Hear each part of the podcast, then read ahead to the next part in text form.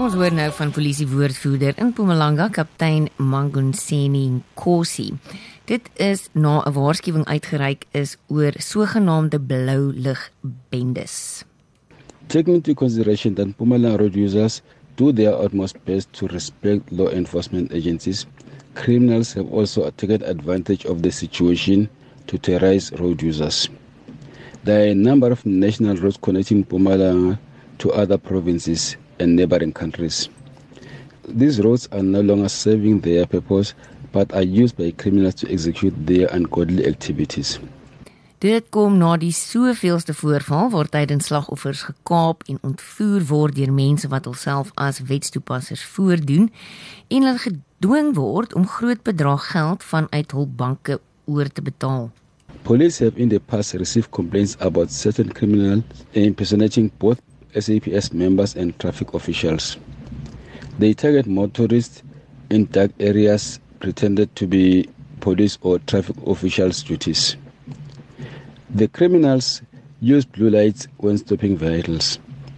When motorists obey the bogus law enforcers' directives, that is when the suspects rob them of their valuables or kidnap them for ransom. Motoriste is gewaarsku om veral op die N2 en 3 en 4 en N17 versigtig te wees. Their vigilance should not only be limited to outer roads, but extra caution should be practiced in central business district as some of the bogus law enforcers operate in places like Mbombela, Witbank, Middelburg, Secunda, Ermelo, and Piet.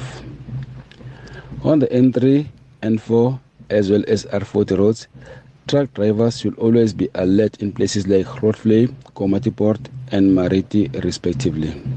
Die polisie sê verder slagoffers moet hul lewens voorop stel en eerder saamwerk as om hul eiendom te probeer beskerm. Teams should comply with the instructions as directed by the robbers while taking some key features like facial appearance, body structure, movements, and birth or artificial marks of the suspects for proper identification to the police. If motorists suspect possible hijacking or robbery, it is advisable to make an urgent call for assistance before their cars come to a halt.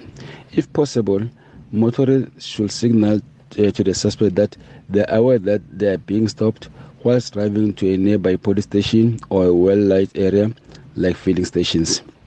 Nkosi sê werklike wetstoepassers sal jou toelaat om na 'n veiliger plek te ry voor jy aftrek. If the vehicle attempting to stop the victim is a real law enforcer, the vehicle will follow the motorist to such a place, but if they insist that the motorist stop immediately, that will be an indication that such people are criminals and motorists should follow their instructions before they can be injured or murdered. It is during this time that an emergency call should be made. Die provinsiale polisiekommissaris, luitenant-generaal Semakaleng Manamela, vra dat ander motoriste en padgebruikers ook verdagte konfrontasies wat hulle waarneem op die paaie aanmeld.